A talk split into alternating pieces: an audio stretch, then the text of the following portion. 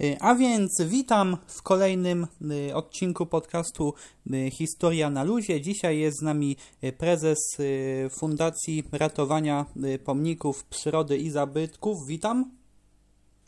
Witam serdecznie.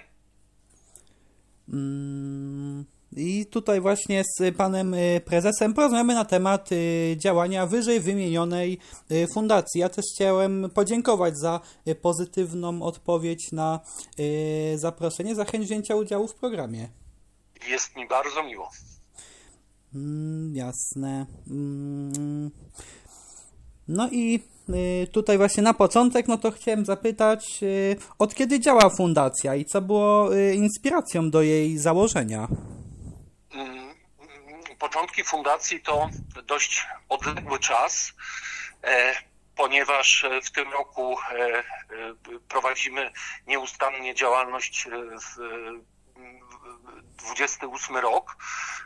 Fundacja została założona w listopadzie, 6 listopada 1995 roku, a więc jak na realia polskie jest organizacją dość dość, e, w dość zaawansowanym wieku.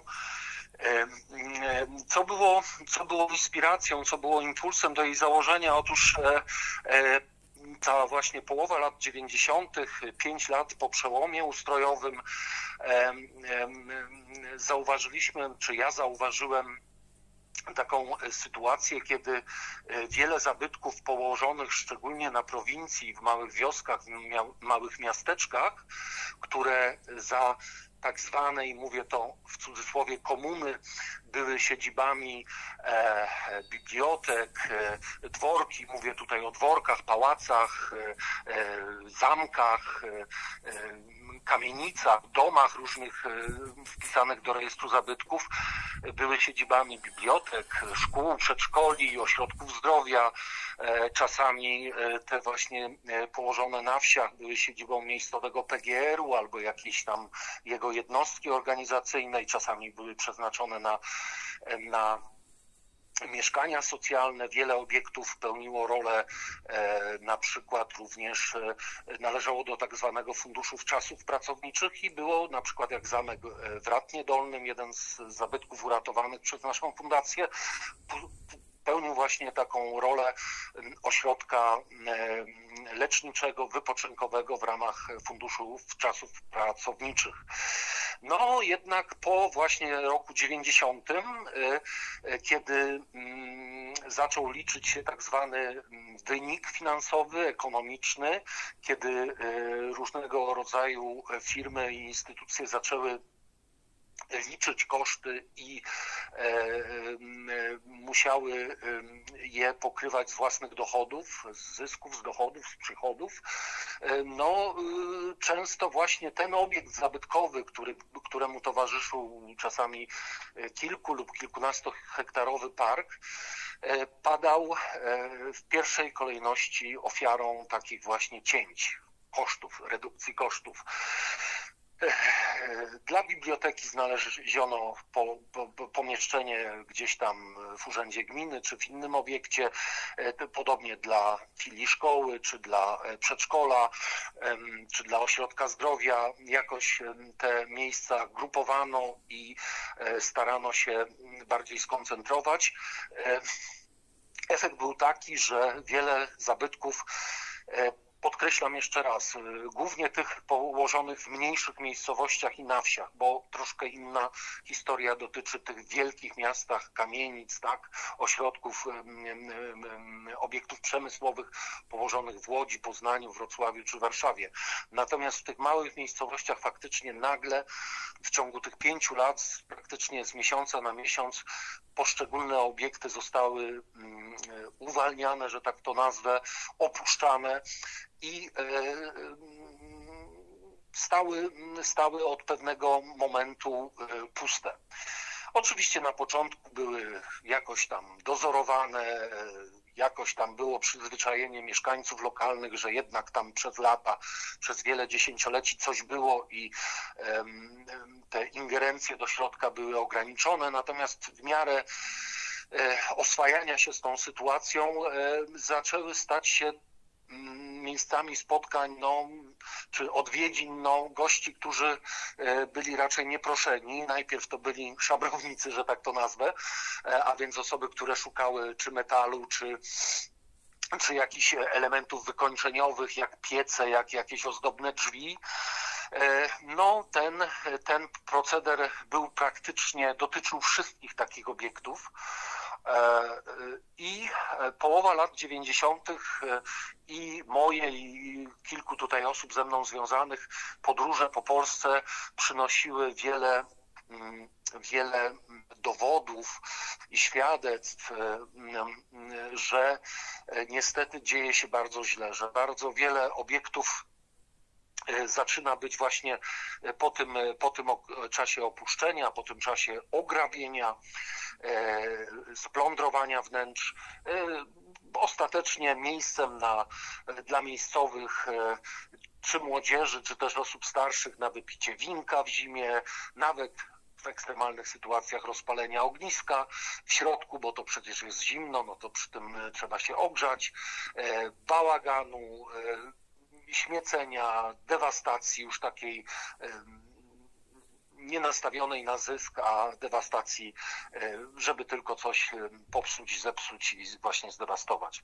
Także wtedy właśnie zrodził się taki pomysł, żeby spróbować pozyskać y, trochę środków od osób fizycznych, od firm, które wtedy zaczęły się masowo otwierać, czy z jakichś funduszów e, wówczas dostępnych i starać się te obiekty zabezpieczać. Dla każdego stworzyć taki, taki system zabezpieczenia miejscowego, również e, osoby, która by no, nie mieszkała w nim, ale raz na dzień, raz, dwa razy w tygodniu zaszła na miejsce, obeszła, zobaczyła, czy, czy coś się dzieje, jeżeli się pojawia dziura w, w, w dachu, czy, czy jakiś dostęp jest na poziomie parterowego okna, czy drzwi, żeby ta osoba od razu będąc finansowana przez fundację, miała środki i, i, możliwość zabezpieczenia takiego dostępu.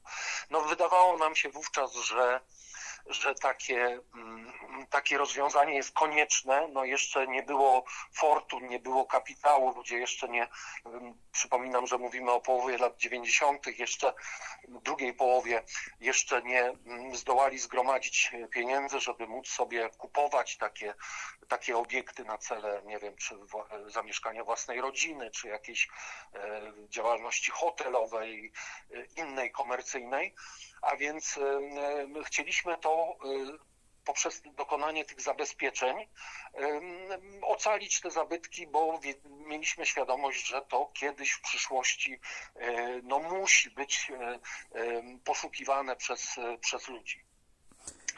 No jednak e, pojawił się problem z pozyskaniem środków na ten, na ten wybrany cel. One były e, to, to, co było dla nas dostępne od 95 roku i kolejnych kilka lat e, do początku XXI wieku okazało się niewystarczające. Te nasze zabezpieczenia były bardzo nie, nie, nie, nie, niewielkie e, i, i ulotne, bo, bo tutaj jednak jest potrzebna niesłychana konsekwencja w czasie i systematyczność, tak? Taka regularność, y, a, a jednorazowe czy dwukrotne działanie nie daje żadnego efektu. Mm, tak więc y, takie były początki, tak się to za, zaczęło, taka była jak gdyby pierwotna mm, koncepcja, idea e, e, powstania fundacji i ona ma do dzisiaj właśnie odzwierciedlenie w tym e, pierwszych dwóch wyrazach naszej nazwy, a więc fundacja, czy trzech, fundacja ratowania zabytków, tak? Fundacja ratowania zabytków to właśnie było odzwierciedlało to, co wcześniej mm, opowiedziałem a ten drugi człon i pomników przyrody dotyczył właśnie tych zespołów parkowych przynależnych do większości dworów, pałaców, zamków, e, żeby nam ktoś nie zarzucił, że podpieramy jakieś drzewo, że je ratujemy, że, że jakąś małą architekturę ogrodową, parkową również tutaj staramy się ochronić, no to powstał taka, powstała taka cała spójna całość, Fundacja Ratowania Zabytków i Pomników Przyrody. Także tak to, tak to, takie były początki. Mhm, właśnie, i tutaj chciałem też zapytać, co określiłby Pan jako misje główne i cele właśnie fundacji i dlaczego to je właśnie wybraliście jako, jako swojego rodzaju drogowskaz dla, dla tutaj bieżącej działalności? To, co określiłoby naszą misję, to to jest to, co wymieniłem, a więc ratowanie zabytków. Wówczas na samym początku, a więc od 95 roku, to było ratowanie, które wyobrażaliśmy sobie. Proszę pamiętać, że to było e, blisko 30 lat temu, a więc zupełnie inna sytuacja, również nasze doświadczenie, wiedza, e, kompetencje były inne.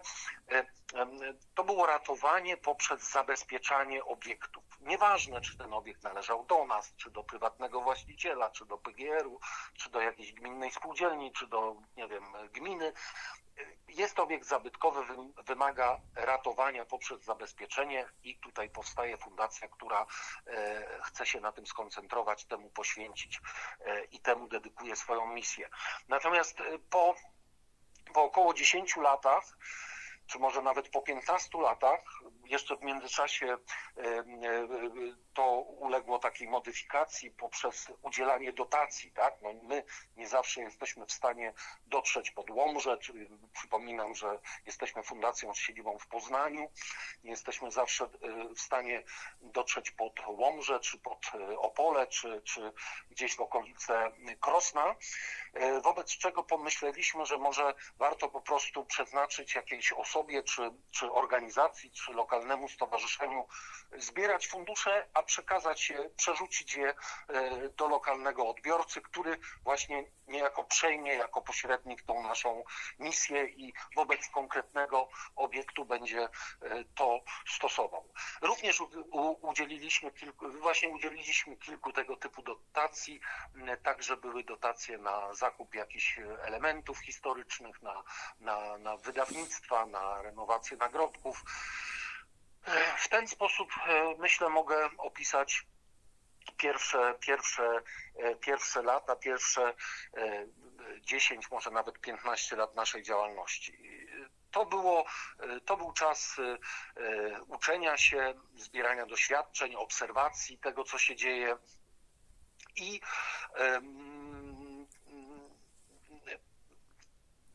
w wyniku właśnie tych, tych spostrzeżeń, które, które, które przyswoiliśmy, które mogliśmy zaobserwować, rozpoczęła się pierwsza taka e, bardzo nacelowana e, praca naszego zespołu, e, a więc nieco przypadkiem trafiliśmy do zamku w Ratnie Dolnym, położonym na ziemi kłodzkiej w powiecie kłodzkim. To był rok, myślę, 2000, myślę, pierwsze 2008. E, najpierw była tam willa e, położona przy rynku. Potem trafiliśmy również do zamku i poznaliśmy jego historię. Zamek został tuż po powołaniu naszej fundacji, a więc w 1996 roku kupiony przez lokalnego biznesmena wrocławskiego. E, dwa lata później, a więc w 90, 98 e, bodajże e, spłonął i właśnie w, w roku 2008, w 2011, kiedy my do Ratna trafiliśmy, w tych latach to, był, to było związane z kilkoma wizytami na miejscu. Obserwowaliśmy, jak po tym pożarze ten obiekt został pozostawiony sobie, jak ten właściciel nic nie robi. Byliśmy u burmistrza e, miejscowej gminy Radków, e, rozmawialiśmy z mieszkańcami, z, z, z mediami i wszędzie właśnie byliśmy informowani, że nawet go tam nie było czasu pożaru. Totalny brak zainteresowania przypominam, kupił go w 2006, w 96, 1996, a jesteśmy w 2010, około 2010 roku, a więc mija 14 lat. Pożar w 98, a więc mija 12 lat od pożaru, tak? 12 lat po pożarze budynek bez dachu, e, odkryty z wieloma trwałymi uszkodzeniami, zalaniem e, przez Straż Pożarną w trakcie akcji gaśniczej, ale również przez e, kilkanaście sezonów zima, jesień, lato, pozostawiony bez zabezpieczeń wiadomo, że substancja ta techniczna, te materiały budowlane, z których był wybudowany, niszczeją. I wtedy y, zaczęliśmy mm, szukać mm, sposobu na zatrzymanie, zahamowanie tego trendu, tego, tego procesu, który zamek dotykał. E, zaczęliśmy, tak jak mówię, wizyta w Radzie Gminy, w Urzędzie Gminy, u burmistrza, wiele wywiadów na miejscu, kontakt, próba kontaktu bezowocna niestety wielokrotnie podejmowana z właścicielem, próba zadania mu pytania, dlaczego tak się dzieje. Skądinąd wiedzieliśmy, że jest dość zamożną osobą i w innej podwrocławskiej miejscowości kupił zamek, pałac i świetnie go odremontował był właścicielem klubu sportowego, e, także także staraliśmy się dociec, dlaczego właśnie e, ten zamek e, tak traktuje. Kontaktowaliśmy się również z organem, który jest odpowiedzialny polskim systemie prawnym za nadzór nad stanem zabytków, a więc z wojewódzkim konserwatorem zabytków we Wrocławiu i z jego urzędem, czyli Wojewódzkim Urzędem Ochrony Zabytków we Wrocławiu oraz delegaturą, pod, pod we Wałbrzychu, pod bezpośrednio które, na, na obszarze delegacji, którego leży właśnie zamek w Radkowie. Tam też sprawdzaliśmy, czy oni prowadzą kontrolę, czy, czy wydają jakieś nakazy, czy, czy prowadzą jakąś działalność, żeby E, właściciela przymusić do jakichś działań. Okazało się, że jest to bardzo trudne, że podejmowane są kroki jednak, jednak bezskutecznie. I w ten sposób e, od e, roku 2010-2011 sukcesywnie zaczęliśmy tą sprawę drążyć, a więc pisaliśmy pisma, organizowaliśmy konferencje prasowe pod obiektem w Płocku, w Poznaniu, poszukiwaliśmy miejscowych wolontariuszy, którzy mogą nas wspierać, będąc blisko obiektu e, i bardzo, bardzo ścisły kontakt właśnie z Urzędem Ochrony Zabytków. E, I to doprowadziło do serii mm, również trzykrotnie e, zostały, zostało e, złożone w, w prokuraturze e, rejonowej w Kłodzku i w policji w Nowej Rudzie zawiadomienie o podejrzeniu, podej, o podejrzeniu popełnienia przestępstwa, gdyż niszczenie zabytku umyślne jest w Polsce przestępstwem karalnym. Dwukrotnie, jak powiedziałem, trzy takie zawiadomienia miały miejsce. E, dwukrotnie e, złożyła je nasza fundacja. Jeden raz e, było to zawiadomienie złożone przez delegaturę Wojewódzkiego Urzędu Ochrony Zabytków w Wałbrzychu. Dwie sprawy zakończyły się ukaraniem właściciela, jedna oddaleniem sprawy z, z, z według ustaleń policji nie ustalono znamion przestępstwa. Tak więc suma tych działań, a więc kontrole, tam się pojawiła również kara administracyjna w, w wysokości 50 tysięcy złotych, wiele nakazów i tak dalej, w, w, efekcie czego w 2000, dwa lata temu, a więc w 2021 roku zabytek został firma właściciela została postawiona w stan upadłości.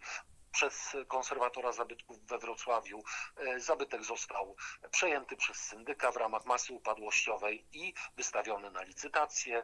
Na licytację. Licytacja zakończyła się sukcesem, znalazł się nabywca, który zapłacił realną rynkową cenę i obecnie obserwujemy, jak ten zabytek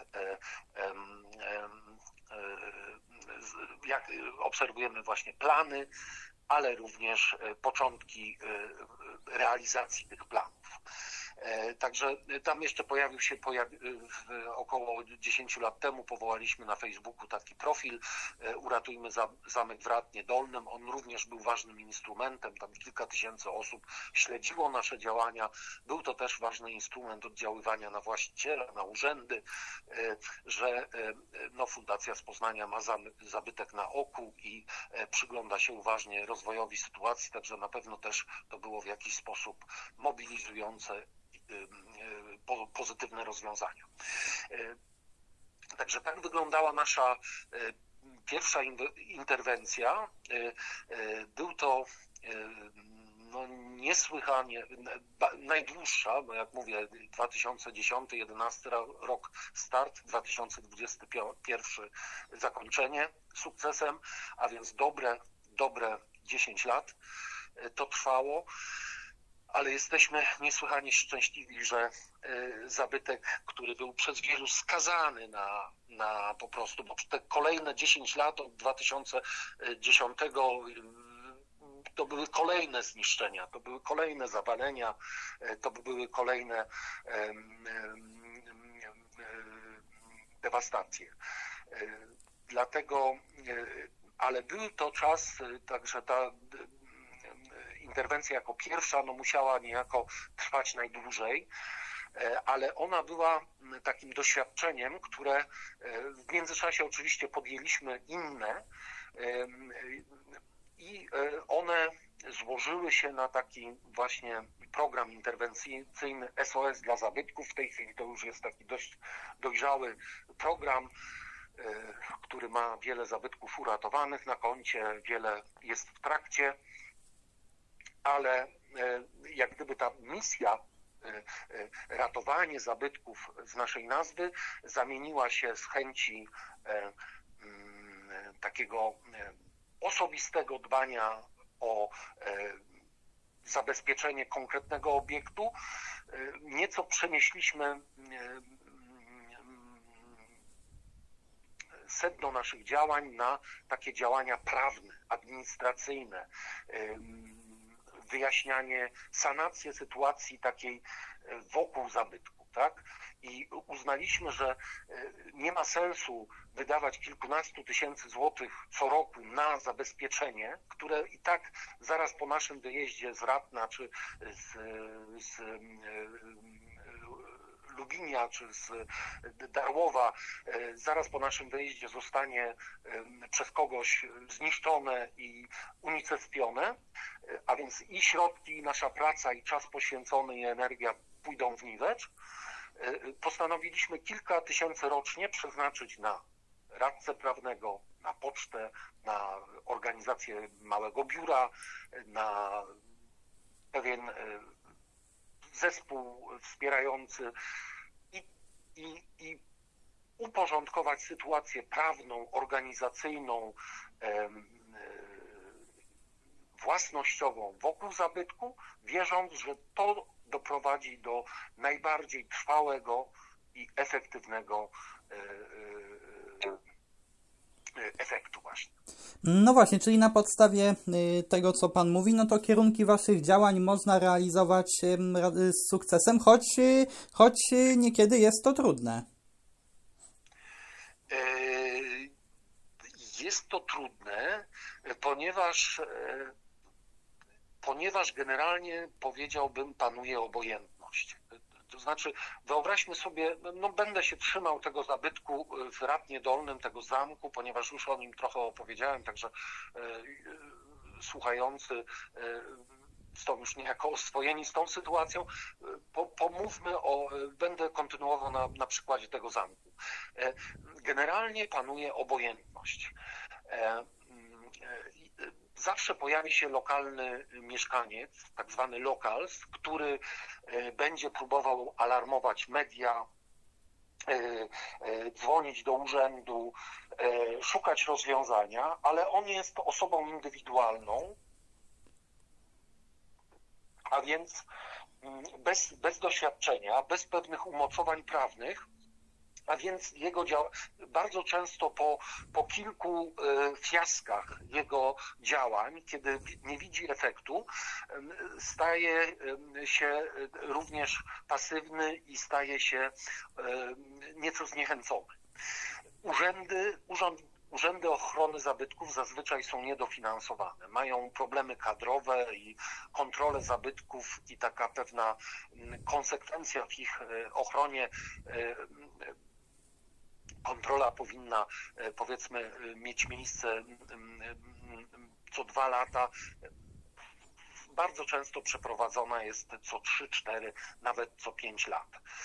Lub gdy zostanie sporządzone jakieś zawiadomienie, to wtedy jakieś interwencje są prowadzone częściej, ale generalnie no, nie mają tej tam jest ogromne obciążenie pracą, muszą wydawać setki zgód tygodniowo na każdy remont kamienicy, wymaga, a wiemy, że przestrzeń naszych miast, wsi i y, dużych miast i małych miasteczek i dużych miast jest przesycona zabytkami, także każdy remont dachu, y, stolarki okiennej, drzwiowej wymaga uzgodnień z konserwatorem, także oni są zawaleni tego typu pracą tych inspektorów, którzy jeżdżą w teren i i um, mogą odwiedzić zabytek i sporządzić protokół, wezwać e, właściciela, bo jest konieczna obecność właściciela, żeby wpuścił na teren zabytku. Bez niego nie może się odbyć kontrola. Często oni nie przyjeżdżają, kontrola jest odwoływana, kolejny termin jest za parę miesięcy.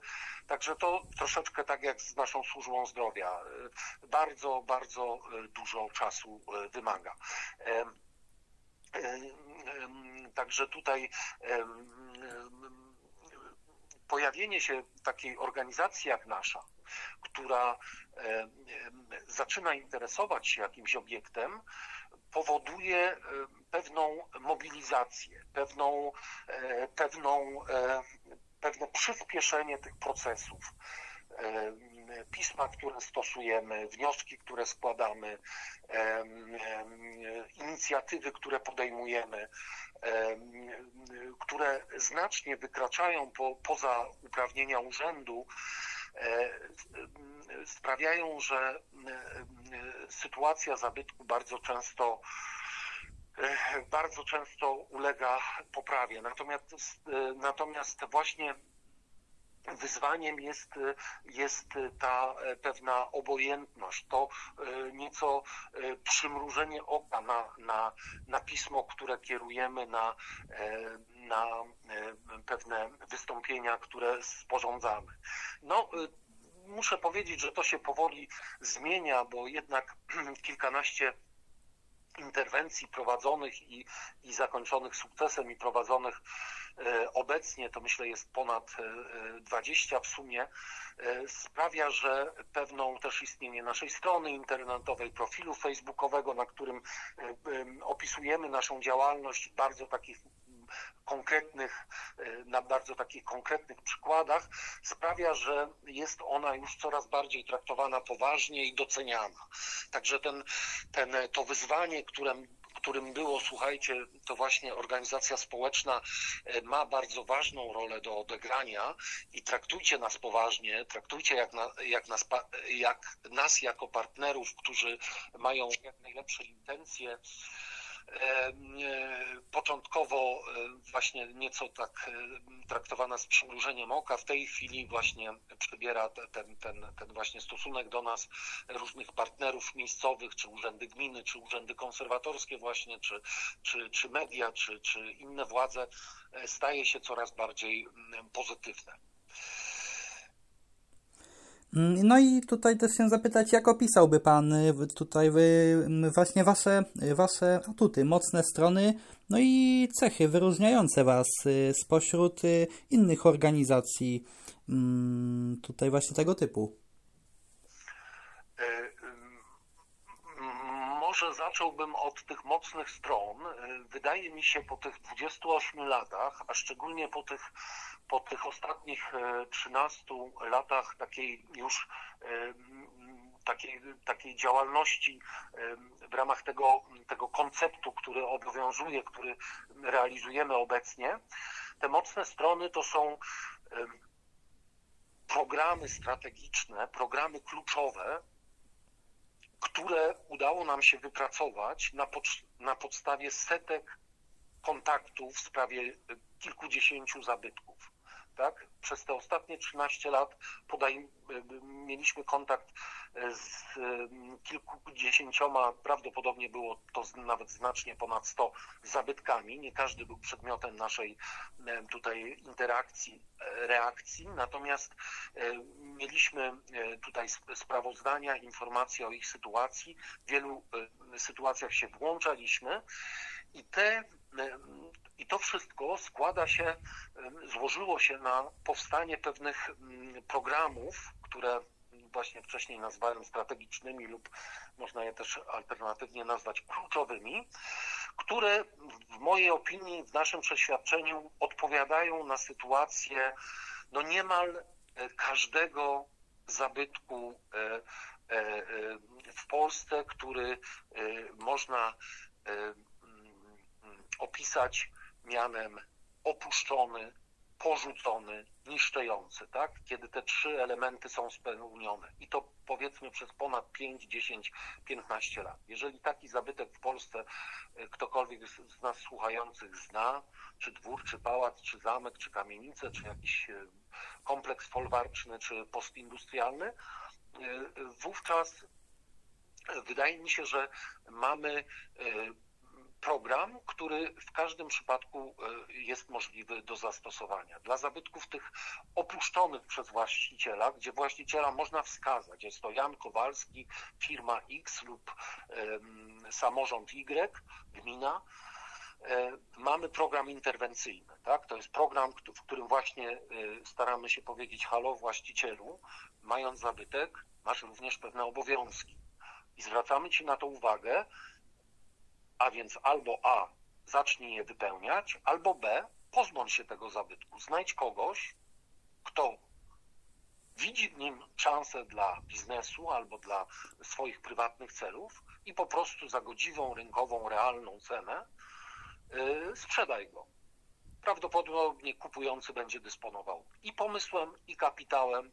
Ty masz problem z głowy, on ma yy, cel na swoją inwestycję, zabytek jest w ten sposób uratowany. Najgorsze, co możesz robić, to trzymać ten zabytek, a e, i nic przy nim nie robić, bo czas w przypadku architektury, budowli e, jest no, niesłychanym dewastatorem. Tutaj oczywiście w tle mamy warunki atmosferyczne głównie i także działalność osób postronnych, dostęp. E, także na tym się zasadza jak gdyby program interwencyjny. Innym programem, ponieważ spotkaliśmy kilkudziesięciu wspaniałych ludzi, którzy z różnych powodów byli albo stali się właścicielem zabytku taki przykład, który mam w głowie, to jest e, e, rodzina nauczycieli e, w pewnym mieście wojewódzkim, która nagle stała się w wyniku spadku dziedziczenia właścicielami dworku położonego ponad 100 kilometrów od mieszkania w bloku w tym mieście, w, którym mieszkali. No, możemy sobie wyobrazić sumę pensji małżeństwa nauczycielskiego. No, są to takie być może kwoty wystarczające na bieżące życie w mieszkaniu w dużym mieście, natomiast na pewno one nie wystarczają na to, żeby podjąć się e, remontu, e, remontu obiektu kubaturowego, dużego, jakim jest każdy dwór, tak, ta przestrzeń wokół, park. E, to wymaga i wiedzy, jeżeli jedno jest biologiem, drugie jest matematykiem, no to tej wiedzy na pewno konserwatorskiej, technicznej, budowlanej, prawniczej e, nie ma.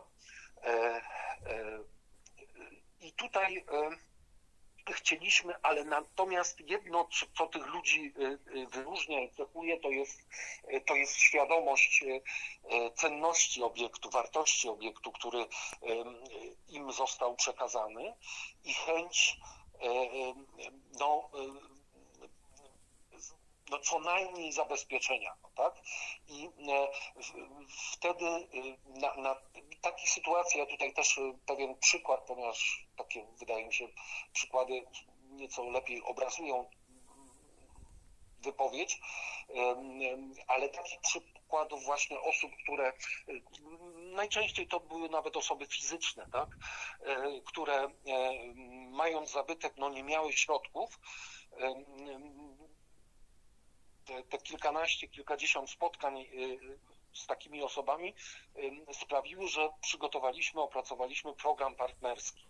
To jest taki zespół i umożliwiający pozyskiwanie środków, ale również bardzo szerokie wsparcie, bo założyliśmy, że kilkadziesiąt osób w Polsce w skali kraju, które do nas dotrą, które są właścicielami zabytku, E, pozostawione same sobie gdzieś tam w swojej miejscowości, lokalnej mm, e, przestrzeni, są bezradne są bardzo często bezradne. Mało która z tych osób, to są może pojedyncze osoby, które e, e, wykażą się determinacją, e, taką sprawnością w poszukiwaniu środków, funduszy, pisaniu i składaniu wniosków, wynalezieniu firmy, która ma odpowiednie uprawnienia, specjalistów, ekspertów, którzy przygotowują, przygotują plany, projekty itd.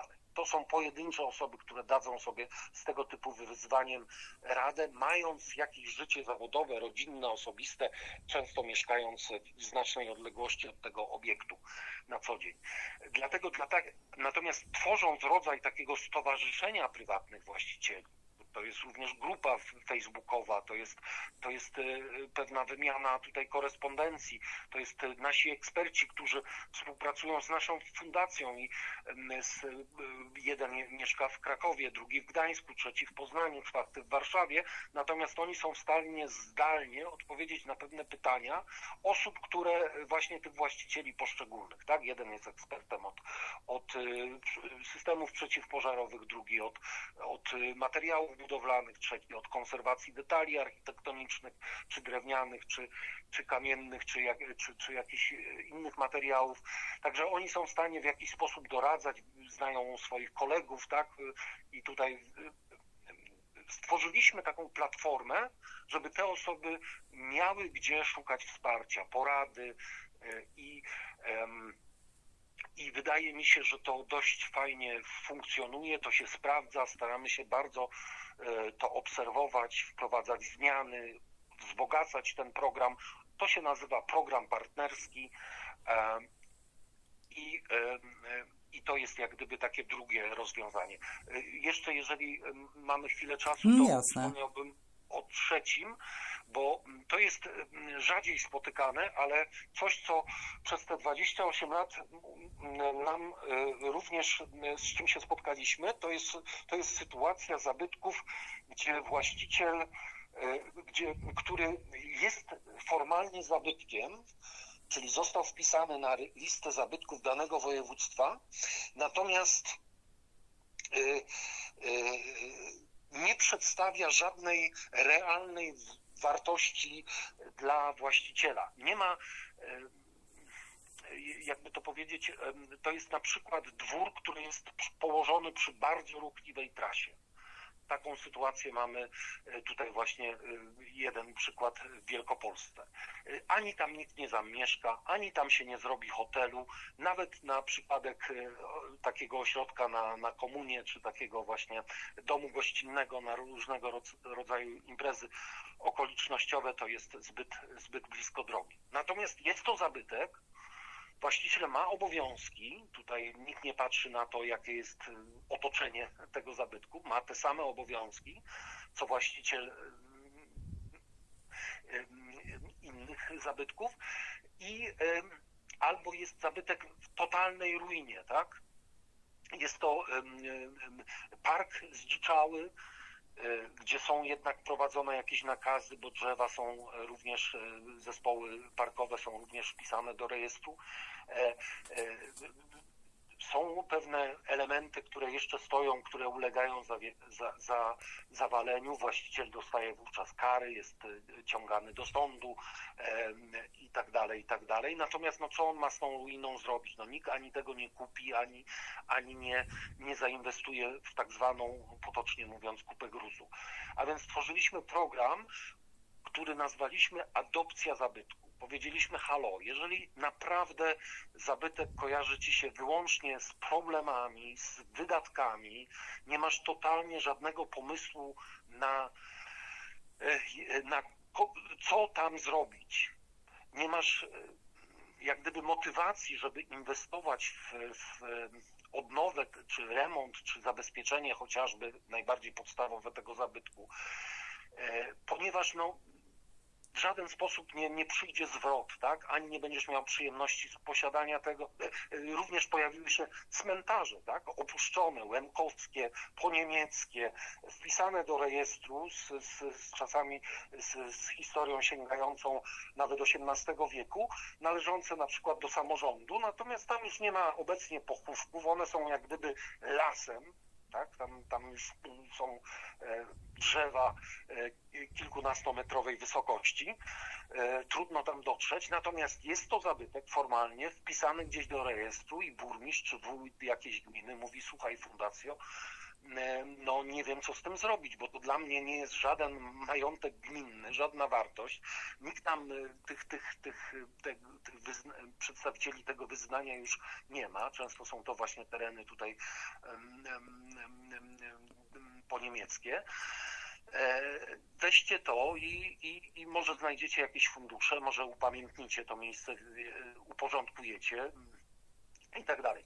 Na, ten, na tego typu przykład, na te, dla tego typu e, grupy zabytków powstał program adopcji zabytków, gdzie my za symboliczną złotówkę, czy za, e, czy w ogóle na zasadzie darowizny, Czasami pojawia się również propozycja, że właściciel mówi: Słuchajcie, przedstawię, przekażę wam 10, 20 czy 50 tysięcy złotych, żebyście mieli na to jakieś tam, e, nie wiem, zatrudnienie jakiegoś tam konstruktora czy, czy, czy jakiegoś rzeczoznawcy do zupełnie podstawowych e, pierwszych prac.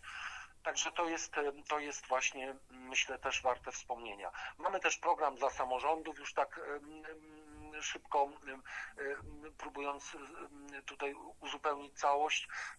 Samorządy w Polsce to jest jeden z największych, to jest bezsprzecznie największy właściciel zabytków w Polsce, w przestrzeni polskich wsi czyli gmin wiejskich, gmin y, małe miasta i tych największych y, ilość zabytków, wiem, że one są y, przesiąknięte substancją zabytkową.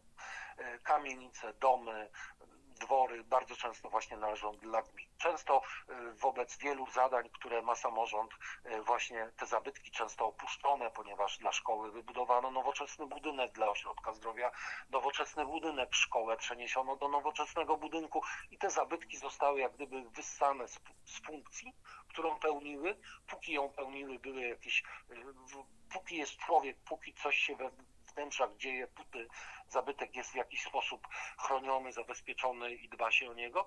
Póki tam, się, tam nic nie ma, to mm, następuje właśnie proces niszczenia, a więc dla samorządów, dla których to nie jest to nie jest priorytet działalności.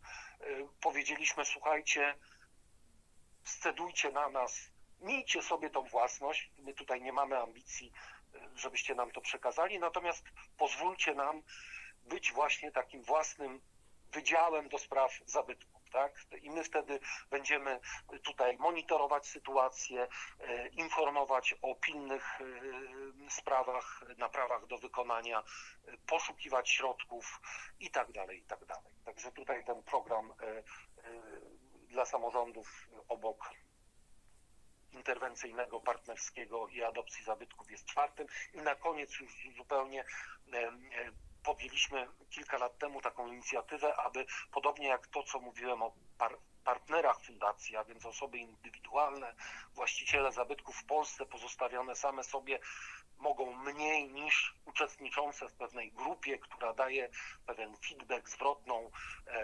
pewne wsparcie, e, wymianę dobrych praktyk itd., tak itd. Analogicznie pomyśleliśmy o funkcji tak zwanych społecznych opiekunów zabytków. To są osoby, które przed Wojewódzkim Urzędem Konserwatorskim, przed Wojewódzkim Urzędzie Ochrony Zabytków ze względu na swoje miejsce mieszkania zdają egzamin, a więc trzeba dysponować pewną wiedzą. Następnie dostają legitymację społecznego e, opiekuna zabytku wręczaną przez e, miejscowego starostę i generalnie e, ideą ich powołania było to, żeby byli takimi właśnie strażnikami zabytków na terenie, na którym działają. Teoretycznie jest to funkcja, wręczenie, wręczenie legitymacji społecznego opiekuna zabytków przez na przykład starostę w Zduńskiej Woli upoważnia tego społecznego opiekuna do działalności na terenie całego kraju. Natomiast w praktyce z oczywistych względów on się koncentruje na tym swoim zduńskowolskim powiecie tam mieszka zapewne i tam się interesuje sytuacją czy młyna, czy, czy kapliczki, czy jakiegoś drewnianego kościółka, który nie ma dobrych zabezpieczeń przeciwpożarowych i próbuje coś zrobić. Również kontakty z kilkudziesięcioma e, opiekunami zabytków, takimi osobami indywidualnymi, które pełnią te funkcje pokazały nam, że oni często również są bezradni. Oni mają ogromną wiedzę, oni mają ogromną, ogromne serce dla tych zabytków na swoim terenie. To jest dla nich naprawdę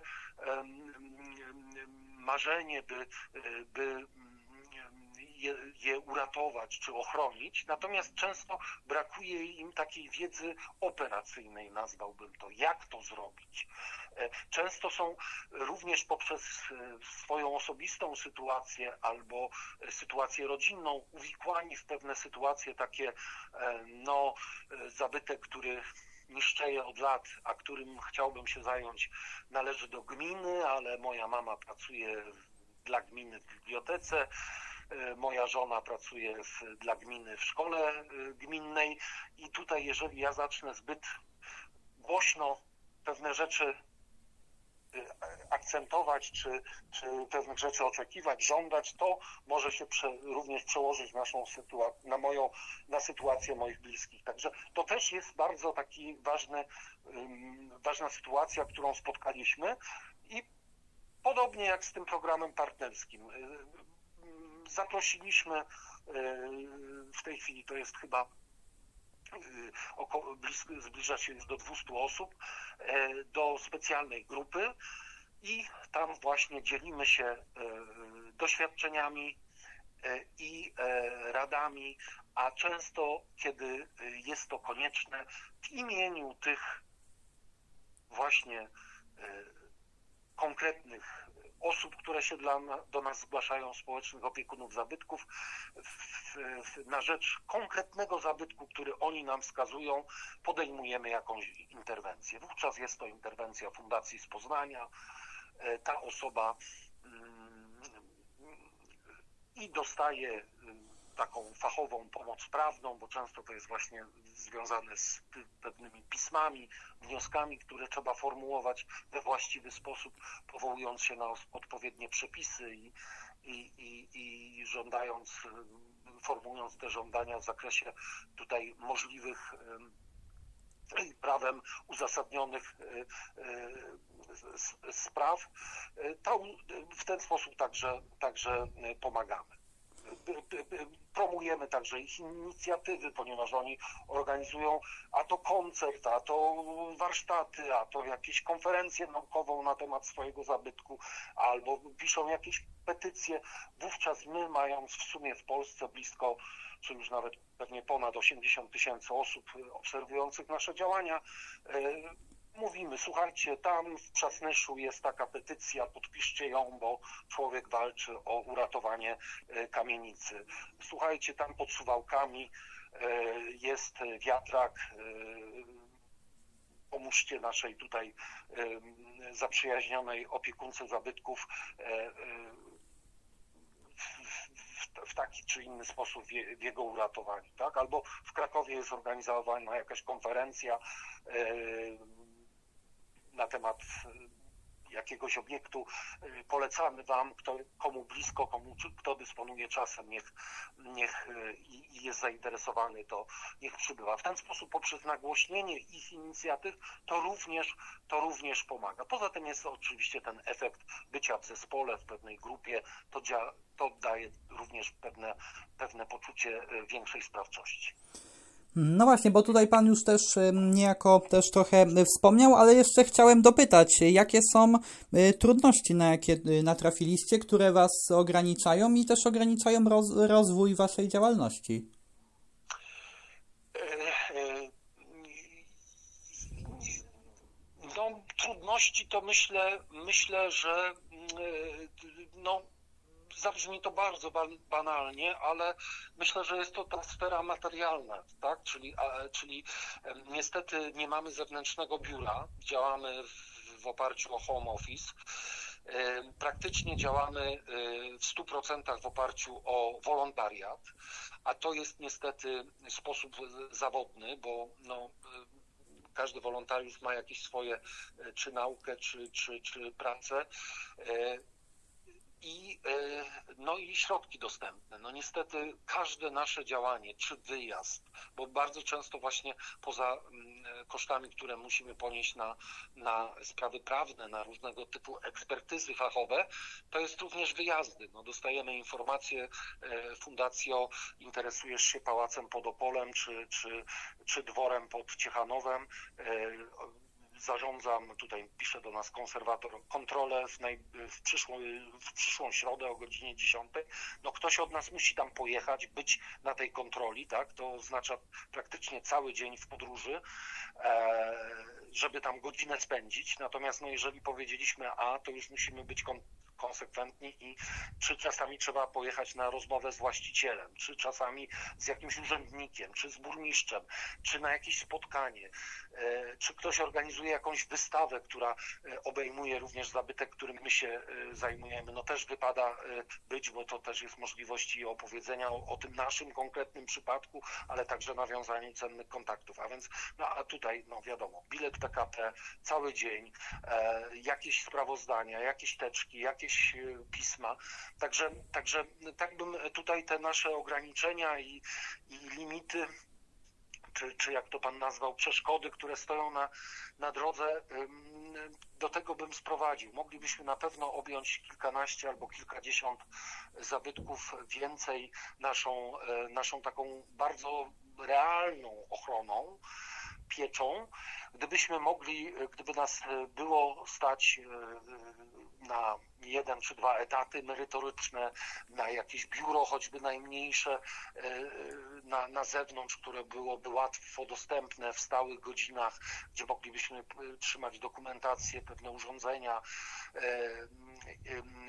No i gdybyśmy mieli trochę tak zwanej żywej gotówki na te, na te wydatki, no bo czasami trzeba czy, czy, czy koło do samochodu wy, wymienić, czy za księgowość zapłacić, czy benzyny nalać, czy, czy zapłacić za przegląd techniczny.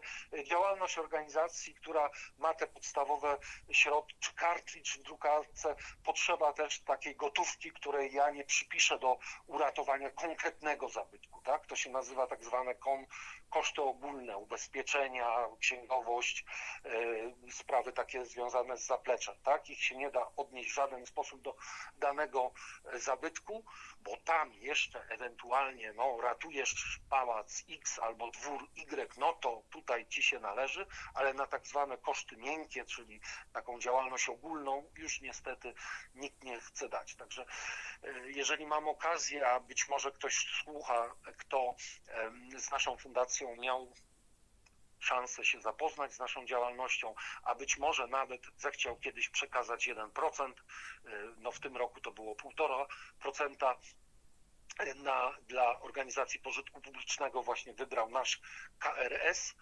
to chciałbym przesłać bardzo, bardzo y, niskie ukłony, podziękowania za to, gdyż właśnie 1% nie wiadomo, czy 1,5% utrzyma się w kolejnych latach, ale właśnie ten symboliczny procent dla organizacji społecznych jest dla nas podstawowym tutaj możliwością robienia tego, co już robimy. Tak? To, to, jest, to jest zawsze 70% budżetu, zawsze mniej niż 100, ale, ale przynajmniej możemy mm, w jakiś sposób e, działać. Także myślę, że tutaj ta, ta, ta właśnie strona materialna, którą, e, którą opisałem, e, to jest największa przeszkoda. Moglibyśmy szybciej to, co robimy i moglibyśmy więcej. No właśnie, gdyby Niestety żadne, żadne fundusze nie przewidują finansowania, żaden grantodawca, e, czy europejski, czy e, marszałkowskie, czy wojewódzkie, czy gminne, czy z ministerstwa, czy z innych źródeł nie przewidują tego typu działalności e, jak nasza, czyli jak gdyby takiej właśnie, moim zdaniem, mojej opinii i, i, i to naprawdę na to jest wiele dowodów, bardzo efektywnej, natomiast no nikt nie chce sfinansować znaczka na, na list, koperty, wydruku papieru filmowego, stempla, nie wiem, e, e, pojechania na kontrolę, tak? Gdybyśmy mieli jakiś zabytek, no to być może na pewno by się znalazły środki na remont dachu, na, na, na jakąś y, opłacenie dokumentacji, przygotowania dokumentacji, natomiast no niestety na, na wymianę opon organizacji społecznej, by ta, by ta organizacja mogła na tej oponie dokądś dojechać. Nikt nie chce dotychczas, dotychczas e, e, tutaj mm, nikt nie przewidział takich, takich środków. No jest Narodowy Instytut Wolności, który, który e, jako jedyny takimi środkami dysponuje, no natomiast nie jest, nie jest nam dane być, być że tak powiem, ulubieńcami, czy tam dostrzeżonymi naszej działalności. Mimo, że jest to jedyna instytucja, która właśnie na takie środki rozwojowe, na takie środki wzmacniania kultury organizacyjnej, rozwoju działalności niezależnie od tego, jaka by ona nie była, takie środki dysponuje, natomiast no, mimo kilku, kilku, dwukrotnie składanych wniosków nasza działalność nie została dostrzeżona. No i tutaj na, chciałem też zapytać, czy chciałby Pan coś tutaj jeszcze dodać interesującego? Czy chciałbym coś dodać e, interesującego? E, e, może, może, mm, to znaczy w poprzednim pytaniu zadał Pan pytanie o mocne strony, ale również interesowało panu, Pana, co nas wyróżnia. I tutaj na to chyba nie powiedziałem, natomiast myślę, że właśnie warto nas wspierać i o to bardzo prosimy, ponieważ właśnie te, te, te mocne strony, a więc jasno sprecyzowane, sprawdzone programy, które przygotowaliśmy, programy, które na co dzień e, stosujemy, bo to jest tutaj w Poznaniu codzienna praca kilku osób. E, tutaj nie, nie ma tak, że my czekamy, aż wpłynie 100 zł, żeby za te 100 zł coś zrobić. Nie, my szukamy w jakiś sposób środków. E, to, to myślę, że to nas wyróżnia także, że o tym warto wspomnieć, że nie ma w Polsce organizacji, e, która by e, miała ten sposób podejścia do, do sprawy ochrony zabytków. Jest kilkanaście fundacji poświęconych zabytkom, natomiast zazwyczaj wygląda to w ten sposób, że właściciel, który nabył pałac, czy zamek, czy dwór, tworzy fundację lub stowarzyszenie poświęcone temu swojemu dworowi. Tak? Robi jak gdyby to, co my w skali ogólnopolskiej dla obiektów nie naszych, on robi fundację, która na przykład fundacja pałacu tam X.